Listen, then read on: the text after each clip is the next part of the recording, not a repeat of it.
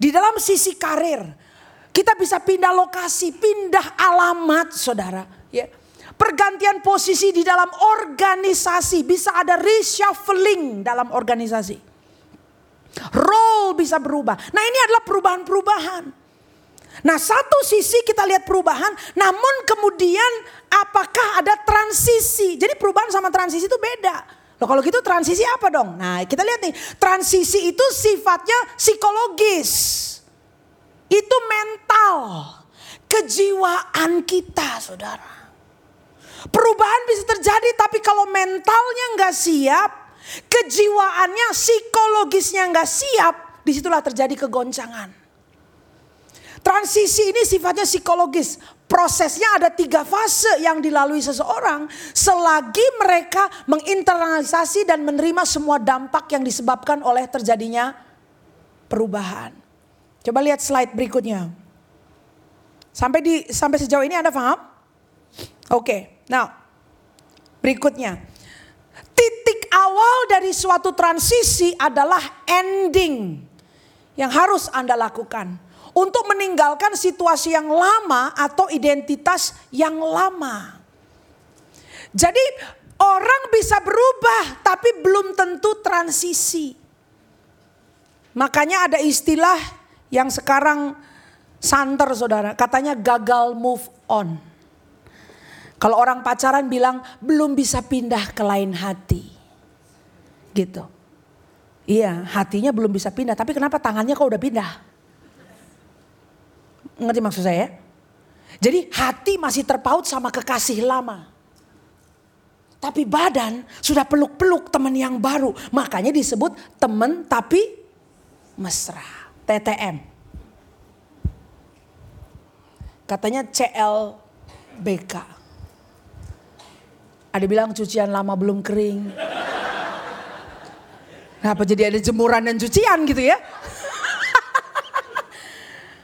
Kalau dulu zaman saya bilangnya cinta lama bersemi kembali. Loh kok bisa bersemi kembali? Karena memang dia belum move on dari kekasih yang lama. Kenapa belum move on dari kekasih yang lama saudara? Karena belum ada ending. Kalau duduk di counseling dengan saya, saya akan bilang belum ada proper closing. Belum ada penutupan yang proper, yang ilahi dari hubungan yang lama. Ini kalau kita, saya lagi uh, bahas dengan anak-anak muda, kita bisa pakai banyak ilustrasi ya kalau hubungan hubungan berkasih kasihan dan bercinta-cintaan seperti ini, saudara.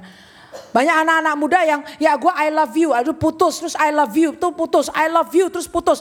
Udah gitu mending I love you dan putus, tapi sudah sangat fisikal hubungannya. Kalau sudah sempat sangat fisikal saudara, you carry that past relationship with you. Kecuali ada pemutusan. Kecuali ada proper closing before the Lord. And Tuhan, dan kau izinkan Tuhan menyembuhkan, memulihkan hatimu. Karena tidak bisa orang sudah menjalin hubungan, you give your heart.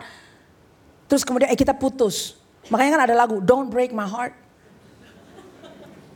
Ada versi lama, ada versi baru, versi country, versi pop, macam-macam. Don't break my heart. Lah hari kok hati udah pecah terus pindah-pindah ke orang yang baru bagaimana? Anak-anak kita ajarkan saudara. Ini orang kalau main pacaran sembarangan kayak begitu. Kayak orang bikin sandwich. Sandwich yang pertama roti satu roti dua ini. Ya ini si A dan si B. Kita kasih dia olesan strawberry jam. Kasih strawberry di tengah. Bang. Sangat fisikal kan hubungannya kan.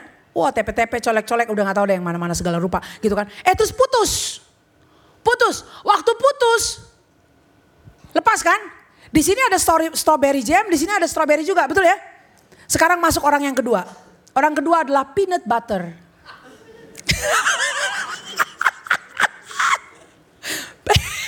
Kenapa dia suka peanut butter ya? Dia selai kacang ceritanya. Ya, dia selai kacang. Ini udah ada strawberry di sini sama selai kacang nih. Dia nempel berdua. Bang. Saya tanya sama Anda, waktu hubungan kedua ini putus, strawberry ada di mana? Hanya ada di sini atau ada di sini juga? Ada dua-duanya. Sekarang dia bukan juga bukan cuma strawberry, sekarang dia ada strawberry kacang. Ada orang ketiga, nanas. Orang ketiga nanas. Ketemu di tempat kerja. Wah, tiba-tiba kenapa jadi lain gitu kan? Eh jadian dia berdua. Ini nanas sama stroberi kacang. Eh jadian dia berdua. Sekarang saya tanya, putus. Ini si nanas ini tadinya cuma nanas kan? Tadinya ini cuma nanas. Tapi karena doi kenalan sama ini, stroberi kacang. Sekarang dia bukan cuma nanas. Sekarang dia nanas, stroberi, kacang. And you carry all that past relationship with you. Ketemulah orang keempat. Coklat, dia jaga kekudusan. Dari kecil juga udah ikut Tuhan. Dia ketemu sama nanas, stroberi, kacang. Dan ini semua nanas, stroberi, kacang belum ada proper closing with the past relationship. Kira-kira kasihan gak di situ? Karena dia akan dapat semua itu. Padahal ini originalnya apa? Strawberry. Anda paham maksud saya? Ini kalau kita ngomong ini saya kalau saya akan pakai saya pakai ini untuk menjelaskan kepada anak-anak muda. Dulu zaman kita di Bapindo anak-anak muda saya ajarin kayak begini. Jadi titik awal suatu transisi adalah ending. Mesti ada proper closing. So that you can present your life whole untuk masuk ke musim yang berikutnya. Ada banyak para rajang di sini yang saya rasa Anda perlu melakukan proper closing and proper ending dari hubungan-hubungan yang tidak ilahi yang pernah Anda jalin di masa lampau hidup Anda. Dalam salah satu counseling yang saya layani, ada seorang pria yang berkata, I mean, she admit, I really thank the Lord that the Lord visit him. And that time the girlfriend also sit next to him. Dan Tuhan melawat mereka, mereka terbuka dan mengakui past relationship. Waktu itu diakui di hadapan Tuhan, the grace of God turun di situ. And he wept. Pria ini menangis, saya tanya kenapa kau nangis? Tahu nggak jawaban dia apa? Saya menyesal dengan masa lalu saya. I cannot present myself wholly to my girl. Coba kalau aku sabar, aku akan persembahkan diriku utuh kepada gadis yang sekarang ini Tuhan bawa di hidup saya. Saya mau berikan encouragement kepada Anda, para lajang di ruangan ini. Kalau itu pernah terjadi dalam hidupmu, anugerah Tuhan tersedia untuk memulihkan hati Anda. Kalau Anda berkata, tapi ya memang aku belum punya pasangan Pas Evelyn. Saat ini belum.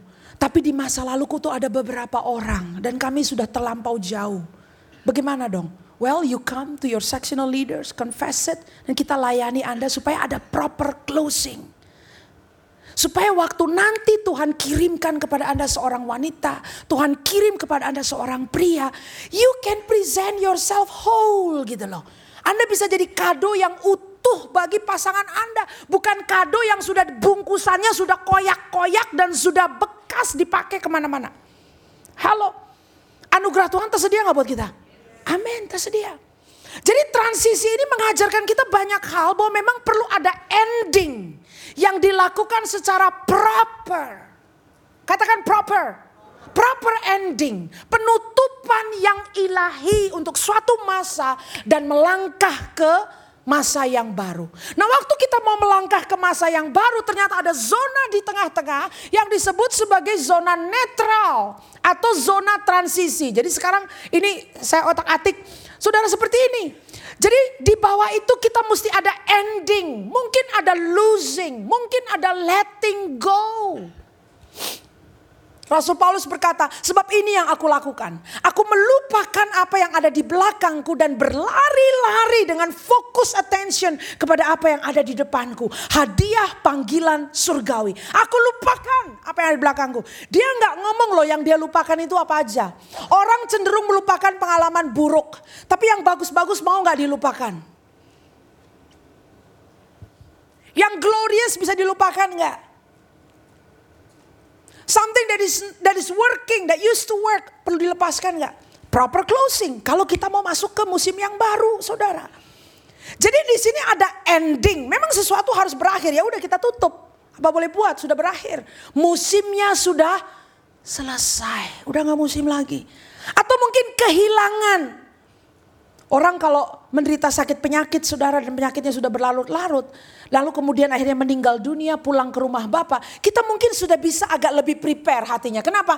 Ya sakitnya udah lama gitu loh. So in in in a way our heart say oke okay, um, ya kalau sampai dia Tuhan panggil duluan. Kita sudah bisa mulai menghadapi realita gitu. Dan sehingga pada saat akhirnya Tuhan panggil pulang. Mungkin hatinya lebih berbesar hati gitu. Tapi bagaimana kalau kepergiannya adalah kepergian yang dadakan? Karena kecelakaan. Bahkan karena penyakit-penyakit yang tiba-tiba menyerang. Kayak serangan jantung misalnya. Kemarin ada hamba Tuhan setelah kelar khotbah, tiba-tiba serangan jantung dan pulang ke rumah Bapak. Itu yang yang geger tuh bukan hanya istrinya, satu jemaat. Kaget karena tadi pagi baru khotbah saudara. How do you face that kind of trauma? Itu kan traumatis. Gimana kaget gitu loh. Nah ini ada ending losing and letting go. Kita perlu legowo, lepaskan. Nah pada saat ini kita lakukan, kita pikir kita langsung masuk ke new beginning kan? Ternyata tidak. Ada zona di tengah, ini yang namanya transisi. Jadi transisi itu terjadinya in between. The in between zone. Itu transisi. Belum masuk ke yang baru, tetapi yang lama juga udah gak enak. Ngerti gak sih saudara? Udah nggak pas, udah nggak cocok, rasanya udah uh, berkecamuk, atau juga karena kondisi kesehatan kita rasanya udah nggak bisa lagi berkarya dan kita harus di rumah. Ini kan ngerti nggak? You know, you know, memang ada perubahan. Tetapi apakah sudah ada transisi? Jadi transisinya ini yang penting.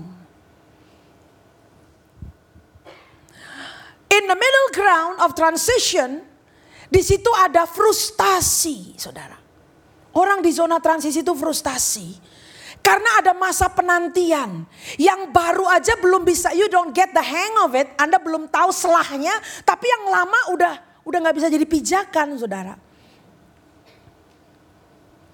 Jadi ada frustasi, kemudian ada masa penantian, dan kemudian ada masa duka berkabung. And we need to allow ourselves untuk mengalami itu semua. Coba kasih tunjuk grafik yang saya buat mengenai change and transition. Nah, ini adalah emosi-emosi yang dialami pada periode netral atau periode transisi itu. Saudara, ya ini paling ujung life before. Ya ini zona yang ending. Zona pertama saudara, ini hidup dulu tuh kayak gini. Nah itu lihat, dulu. Lalu terjadilah perubahan. Waktu terjadi perubahan kita rasanya kayak kecelep jatuh tuh ya. Masuk ke dalam ditch, masuk ke dalam jurang. Rasa yang muncul pertama kali adalah denial and fear. Kita deny hidup berubah. Enggak kok uh, suamiku masih ada. Enggak kok si dia masih cinta padaku. Enggak kok aku masih direktur padahal sudah pensiun. Enggak kok aku masih muda dan kuat padahal udah sakit badannya. Jadi memang itu fase pertama. You denial and fear. Kita takut terus gimana dong? Kenapa bisa takut sih saudara? Because it deals with your identity. Kan dulunya aku manager. Jadi kita rasa manager adalah identitas kita, direktur adalah identitas kita. Dulu kan aku adalah seorang, ngerti gak saudara? Itu ada identitas. Jadi waktu kita kehilangan, it's like, no, no, no, no, I don't want this. Ada denial, ada ketakutan. And we should embrace all of that, you know. Lalu ada apa? Ada resistance and ada anger. So jemaat GG biar kalian terdidik dalam hal ini ya. Mungkin Anda Anda sedang di tengah-tengah itu. Mungkin bukan denial, bukan fear, tapi rasa rasa resistance ya. Anda penolakan, rasa marah terhadap situasi. Kenapa kayak begini? Ya Anda nggak bisa terima. Terus masuk lagi ke dalam depresi. Bu itu udah paling dalam tuh celup dalam sekali. Depresi. Dan mungkin by the grace of God ada transforming idea. Nah di sinilah Tuhan melawat kita. Sebelum saya lanjutkan saudara, tadi zona 40 hari Yesus mati. Waktu Yesus mati aja kira-kira perasaan 12 11 eh, murid itu kayak apa? Kan bukan hanya 11 kan? Masih ingat gak Yesus mengutus 70 orang berdua-berdua? Jadi ini ada komunitas yang sudah percaya Yesus. Dia guru sakti mandraguna. Dia bisa menyembuhkan orang, bangkitkan orang mati. Yang lumpuh berjalan, buta melihat, yang tuli mendengar. Dia bisa melipat gandakan makanan. Lima roti, dua ikan menjadi dua belas bakul sisanya setelah kasih makan lima ribu orang. Laki-laki. Belum dihitung perempuan sama anak-anak. Ini masif sekali. Dan orang bilang, that's, yeah, that's my leader. Itu my leader. Jadi kira-kira dia menggerakkan masa kan? That's my leader. Eh, masuk pengadilan men. Ada nggak kira-kira yang berdoa saat itu? Waktu di pengadilan, mudah-mudahan dia terbukti tidak bersalah. Mudah-mudahan dia terbukti tidak bersalah. Aduh, aku udah tinggalin semuanya untuk ngikut dia. Mudah-mudahan dia tidak terbukti tidak bersalah. Betul ya? Putusan pengadilan bilang bersalah. Putusan pengadilan bilang salah. Lalu kemudian hukumannya adalah disalib. Kira-kira geger nggak? Kejiwaan. Saya mau Anda taruh dirimu di dalam kondisi kejiwaan, psikologi dari para muridnya. Yang udah pasang badan bilang, aku mau ikut Yesus, aku mau ikut Yesus. Hah? Dia, dia, aduh, dia masuk pengadilan. Waduh, kemudian putusannya, hah? Dia diputuskan bersalah. Aduh, lalu kemudian, hah? Putusan bersalah, lalu hukumannya apa? Salib. Oh my goodness. Apa kata orang? Kira-kira ada peer pressure gak di tengah-tengah itu? Orang-orang bilang kan, gue udah bilang apa lu? Jangan percaya Yesus. Pakai percaya lagi. No, lihat no. Tuh diadili. Tuh dapat putusan bersalah. Dihukumnya bukan di penjara loh. Hukuman terberat di atas kayu salib. Gue udah bilang, lu jangan ikut Yesus. Ada peer pressure gak saat itu? Lo Anda jangankan Yesus, kita ngikut gereja aja terjadi goncang gancing sana sini ada peer pressure lo orang semua. Betul nggak? Kondisi psikologi terhadap suatu perubahan. Mati lagi udah gitu. Loh mati juga toh ya. Betul nggak? Terus yang mungkin orang-orang melankolik pada zaman itu. Kemarin itu katanya bukannya dia ada bangkit. Kok mati? Memang mesti mati dulu terus bangkitnya kapan? Kalau kayak Evelyn kan dicatat kan semuanya. Matilah dia hari pertama. Hari pertama. Kira-kira bangkit gak ya? Hari kedua. Duh belum bangkit juga. Gimana sih catatannya tadi? Bangkit gak ya? You understand what I mean? The fear, denial, anger, resistant, depresi itu berkecamuk. Makanya nggak heran saudara sekalipun Yesus sudah bangkit, itu Petrus yang di di di di, di grip dengan ketakutan. Dia apa bilang, eh guys, gue mau pergi nangkep ikan dulu ya. Dia pergi nangkep ikan. Itu orang stres. Dia stres. Sanggup lagi, boro-boro mesti buka catatan. Udah tahu dong Petrus kan bukan melankolik, boro-boro catatan dia nggak punya kali. Kalau dulu sama Yesus kan catatan lu mana Peter? Aku catat di otak. Kita nggak pakai kertas, tablet, enggak lah. Aku catat di di loh hati. Eh, jadi ya dia lupa duluan. Udah juga dia kok yang dipanggil Yesus di pinggir danau Galilea itu kan dia betul direkrutnya di situ kan. Sekarang di tempat yang sama dia pergi lagi mancing di situ. Coba bayangkan, ini orang stres berat, saudara. Udah gitu karena dia berkarisma, teman-temannya pada ngikut. Ya udah gue ngikut lu juga deh. Lupa lah semua orang sama panggilan. Ini segerombolan, ini pemimpin stres diikuti sama gerombolan orang stres juga. Ya kita, orang kalau stres mau mancing saudara ya. Hati-hati loh orang yang suka mancing-mancing kita mesti layani mereka. Mungkin ada kondisi psikologis. Saudara-saudara kita yang suka mancing-mancing itu coba kita deketi dan tepuk-tepuk bahu, bahunya gitu. Lu lagi stres apa bro gitu kan. Kalau saya mah nggak bisa ya, maksudnya kalau stres masa mancing nggak dapet ikan lebih stres lagi kan. Maksudnya terapinya di mana? Udah stres, tuh dapat ikan, itu lebih stres. Saya kemarin tuh pergi ke daerah mana itu di Pluit atau di Pik. Lagi ceritanya lagi mau cari restoran. Terus di situ mungkin empang kali ya. Dan adik saya bilang di sini tuh lihat tuh kak banyak orang nangkap ikan.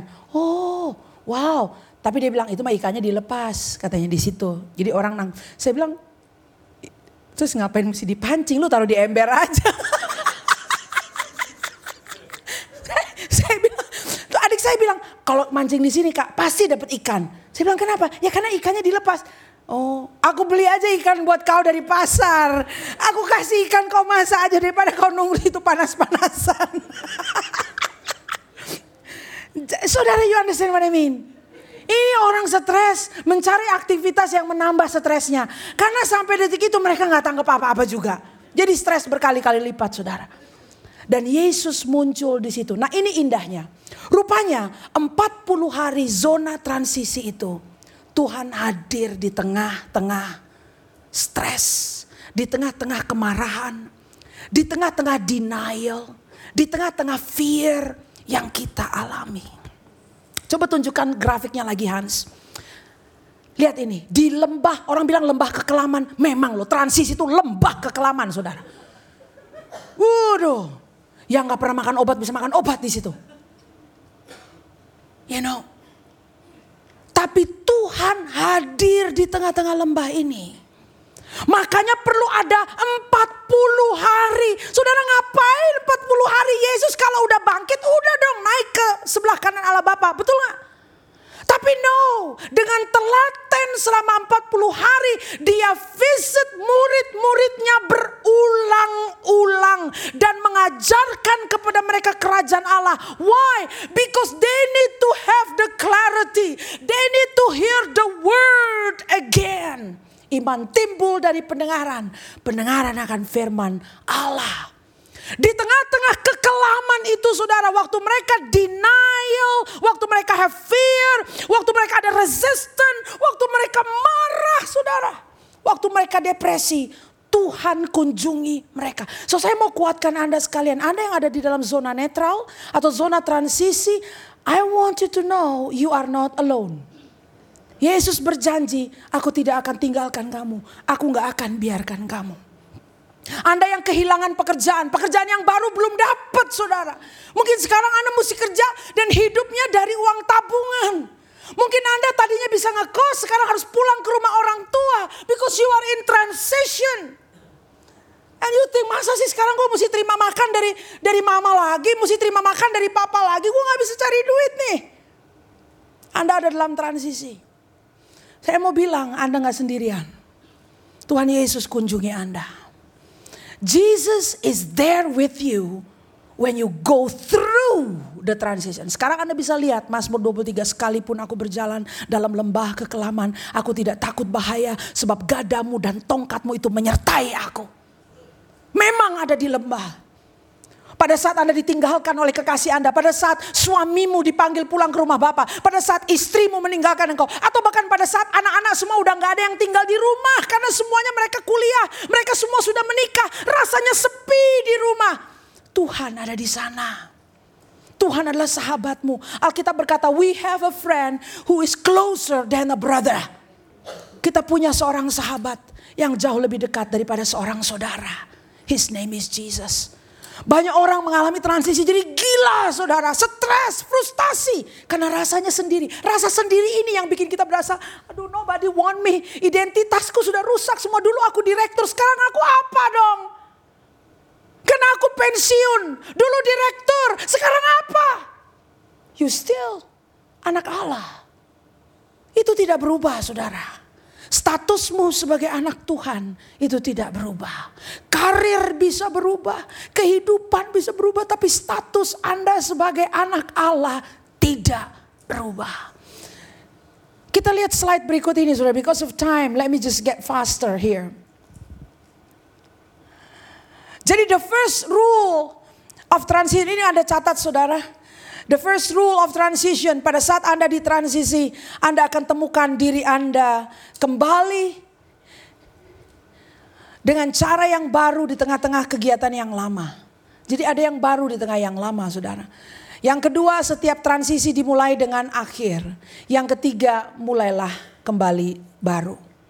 Nah di sini saya mencatat ada tiga benefit of transition. Ada tiga manfaat dari transisi. Coba kita lihat bersama-sama. Yang pertama, God give us the time we need to adjust and release the past. Ternyata memang sebelum A bisa berubah jadi B. Ada zona di tengah-tengah. di mana memang secara gracious Tuhan berikan kepada kita. Supaya kita bisa adjust Dan kita bisa release the past. Kita bisa melepaskan masa lalu dan melakukan adjustment sebelum masuk ke musim yang baru. I want you to be gracious to yourself. Bersabar dengan dirimu. Jangan terburu-buru saudara. 2 Korintus pertama ayat yang ketiga dan keempat mengajarkan kita mengenai hal itu. Tuhan tahu bahwa ada uh, emotional low and high ya. Waktu kita harus transisi itu kayak hati kita diaduk-aduk, emosi kita kayaknya bercampur baur, susah, senang, stres tuh kayak nano-nano Saudara. Sama seperti yang dialami oleh para muridnya. Menjelang penyalipan itu udah stres berat saudara. Waktu di pengadilan, Yesus pengadilan muridnya stres berat. Eh keputusan pengadilan memutuskan dia bersalah. Lalu kemudian memutuskan hukuman terberat bagi Yesus. Muridnya stres. And Jesus know that. Makanya dia pun tidak terburu-buru. Setelah dia bangkit kembali saudara, dia kunjungi muridnya satu persatu. Dia kuatkan mereka, dia layani mereka, dia mandikan mereka dengan firmannya. Karena mereka tahu ini adalah bapak-bapak gereja mula-mula. Kalau mereka tidak dilayani dan direvisit, kita nggak akan ada gereja hari ini. Betul nggak saudara? Kalau 11 orang murid itu dan kemudian ditambahkan satu penggantinya Yudas jadi 12. Kalau itu semuanya orang-orang stres saudara. Yang ngumpet, mereka ngumpet ya. Sebelum dipenuhi roh kudus mereka ngumpet kan. Di ruang atas di Yerusalem. Takut mereka. Takut ditangkap oleh orang-orang Romawi. Kalau itu seperti itu berlanjut saudara, kita nggak akan ada gereja hari ini. Tapi Yesus layani mereka selama 40 hari. Itu adalah time to heal, time to adjust, time to release the past. Persiapan memasuki musim yang baru. Yang kedua, kita lihat sama-sama di slide berikut ini. Transition is an invitation to intimacy with God. Dalam zona netral, zona transisi itu, saudara, Tuhan mengundang kita untuk intim dengan Dia dalam zona transisi. Karena Anda jadi punya waktu. Dulu mungkin setelah kesibukan Anda berkarir sebagai manager, sebagai director. Mungkin dulu sementara Anda sibuk saudara you don't have time with God. Tapi kemudian waktu ada perubahan yang drastis di hidup Anda. Anda berasa loh biasanya gue nih sibuk loh. Biasanya jam 7 aku sudah ada di jalan. Biasanya jam setengah 8 aku ada di kemacetan itu. Biasanya jam 9 aku sudah duduk di meja kantor dan minum kopi. Sekarang mana semua itu? Well now you are at home. And when you are at home, your wife is there with you. Istrimu menyertai kamu. Maybe you drink coffee together. Di rumah, bukan lagi di meja kantor. And at that time, bisa nggak ada Alkitab di antara kalian? Buka firman Tuhan. Bisa nggak pada saat itu sementara ada coffee di tengah-tengah. Kofinya nggak berubah mungkin. But you hold the hands of your wife. Anda pegang tangan istrimu. And you begin to sing before the Lord. Nyanyi di hadapan Tuhan berdoa bersama-sama. Saudara, zona transisi adalah invitation, adalah undangan Tuhan untuk kita bisa intim dengan Dia. Yang ketiga, Transition is preparation for the new thing God is doing. Zona transisi adalah zona persiapan untuk hal baru yang Tuhan sedang kerjakan. Dalam hal ini bagi para murid saudara, ditulis di dalam kisah Rasul 2 ayat pertama. When the day of Pentecost came, they were all together in one place. Ternyata dalam ketakutan mereka saudara, mereka dilawat oleh Roh Kudus untuk dipersiapkan for the next assignment. Anda masih percaya nggak bahwa Tuhan kita merancangkan hari-hari kita? Amin. Anda masih percaya nggak bahwa firmannya berkata sebab apa namanya segala perkara Tuhan kerjakan demi kebaikan kita. Allah Allah bekerja, turut bekerja dalam segala perkara untuk mendatangkan kebaikan bagi kita. Saudara masih percaya itu ayat? Itu janji Tuhan. Dalam segala perkara, amen. In your high and in your low, Anda percaya itu? In your depression, Tuhan masih menggunakan itu untuk kebaikan Anda. Do you believe that? Bapak, Bapak, Bapak, Bapak, Ibu sekalian, Saudara, di Roma 8 ayat 28 ini menjadi pegangan kita. Dikatakan kita tahu sekarang bahwa Allah turut bekerja dalam segala sesuatu. Yang yang yang sering lupa tuh segala sesuatunya. Kita pikir segala sesuatu tuh yang bagus-bagus, enggak, yang jelek juga. Waktu kita pensiun juga. Waktu kita kehilangan juga, waktu kita putus dari si dia juga, itu segala sesuatu yang Tuhan pakai untuk mendatangkan kebaikan bagi kita. Yang percaya katakan amin. So, saudara, saya tutup dengan slide yang terakhir. Let me see that eagle, uh, Hans, di slide yang terakhir. Saudara transisi-transisi yang seperti badai berkecamuk itu bikin kita gentar. Namun saudara, saya mau kuatkan Anda. Tuhan panggil kita untuk jadi Raja Wali, saudara. Di tengah goncangan transisi yang bikin kita depresi, denial, anger, jadi rasa marah atau takut sekalipun saudara. Justru pada saat itu kita diberi kesempatan untuk bisa membubung tinggi.